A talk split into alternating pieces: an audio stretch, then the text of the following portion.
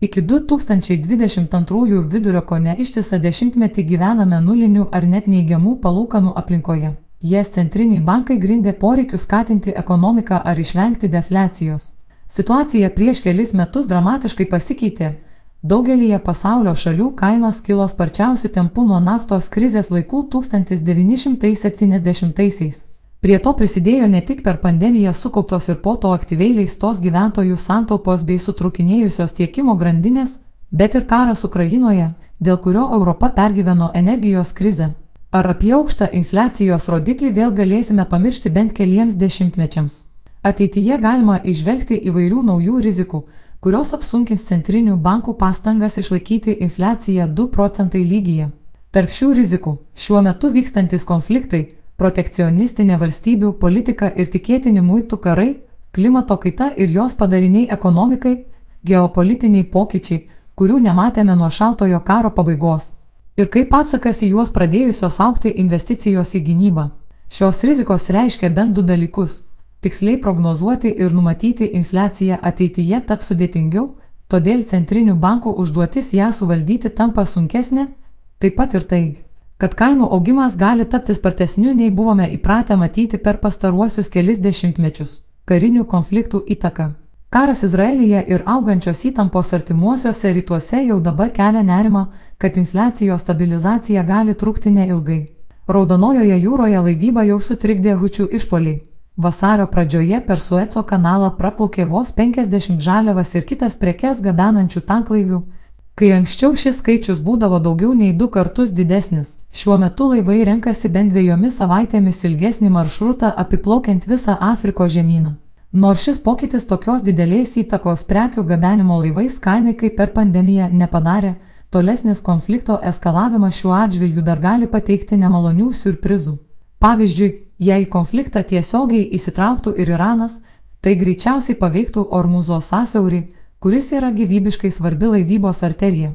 Šis sąsiauris yra vienintelis jūros kelias iš nafta turtingų Persijos įlanko šalių, kuriuo transportuojama penktadalis pasaulio naftos. Protekcionistinė valstybių politika. Tiek dėl COVID-19 pandemijos metu sutrikusių prekių tiekimo grandinių, tiek dėl geopolitinių rizikų JVBS valstybės ėmėsi protekcionistinės politikos. Negana to, šią politiką dažnai siekiama ir lyderystės technologijų srityje. Pavyzdžiui, JAV prezidentas Joto Ebidenas ne tik nepanaikino savo pirmtako Donaldo Trumpo įvestų muitų tam tikrų prekių importui iš Kinijos, bet ir pristatė infliacijos mažinimo aktą, kuriuo numatytos milžiniškos subsidijos technologijų pramonės įmonėms. Tačiau subsidijomis galės pasinaudoti tik tos įmonės, kurios gamybą vykdo Šiaurės Amerikoje. Es eina panašiu keliu, Numatytos milžiniškos investicijos į atsinaujinančių energijos išteklių plėtrą ir reikalingų žaliavų tiekimo užtikrinimą. Praėjusiais metais ES paskelbė tyrimą dėl Kinijos valdžios subsidijų elektromobilių pramoniai. JAV muitas kiniškiams automobiliams siekia 27,5 procentų, o dabartinis ES tarifas 10 procentų jei ES nuspręstų, kad Kinija nesažiningai subsidijuoja savo automobilių eksportą. Muitai gali smarkiai išaukti. Kinijai tapus didžiausia automobilių eksportuotoja pasaulyje ir palikus Vokietiją užnugaryje Kinijos automobilių eksportas per trejus metus išaugo beveik penkis kartus. Sprendimai dėl didesnių muitų ateityje yra tikėtini. Protekcionistinė valstybių politika kursto baime, kad Kinijos konkurencija kenkia ne tik jų pramoniai, bet ir socialiniam bei politiniam stabilumui. Vis dėlto protekcionistinė politika reiškia ir didesnės kainas, bent jau artimiausioje ateityje klimato kaita ir žaliosios investicijos. Bandydamos pasiekti išsikeltus tikslus kovoje su klimato kaita, šalis vis daugiau investuoja ir į atsinaujinančią energetiką, ir į infrastruktūrą, kuria siekiama apsisaugoti nuo vis dažnesnių ir mažiau nuspėjamų gamtos reiškinių. Kaip šalutinį žaliosios transformacijos poveikį Europos centrinis bankas įvardyja žalėją infliaciją, su kuria gali susidurti šalis itin priklausomos nuo iškastinio kūro arba vis dar dėlsiančios pereiti prie žaliųjų alternatyvų. Tartautinio valiutos fondo tyrimas parodė, kad siekiant ketvirtadaliu sumažinti anglies dvideginio kiekį atmosferoje, palyginus su dabartiniu lygiu, trumpuoju laikotarpiu tai gali lemti 0,1-0,4 procentai punkto aukštesnę metinę infliaciją pasaulyje. Žalioji infliacija dažniausiai apibūdinama kaip infliacinis paklausos šokas, kuris kyla dėl perėjimo prie žaliųjų alternatyvų. Išskiriamos ir dar kelios panašios infliacijos rūšys.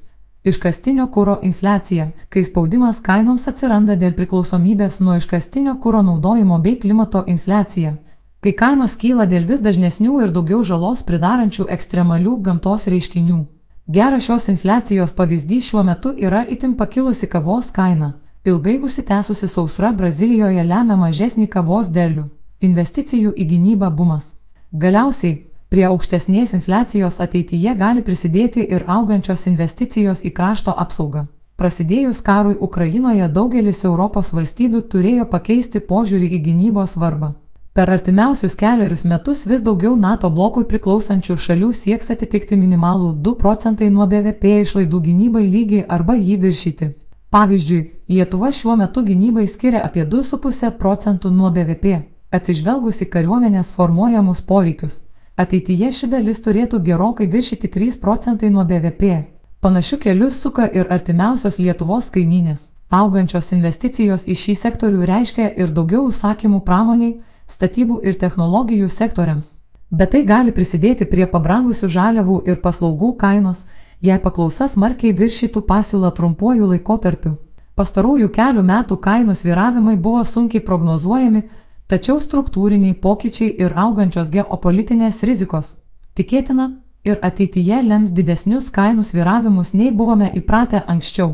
Tuo metu išlaikyti infliaciją tikslinėme 2 procentai lygyje centriniams bankams taps vis didesniu iššūkiu.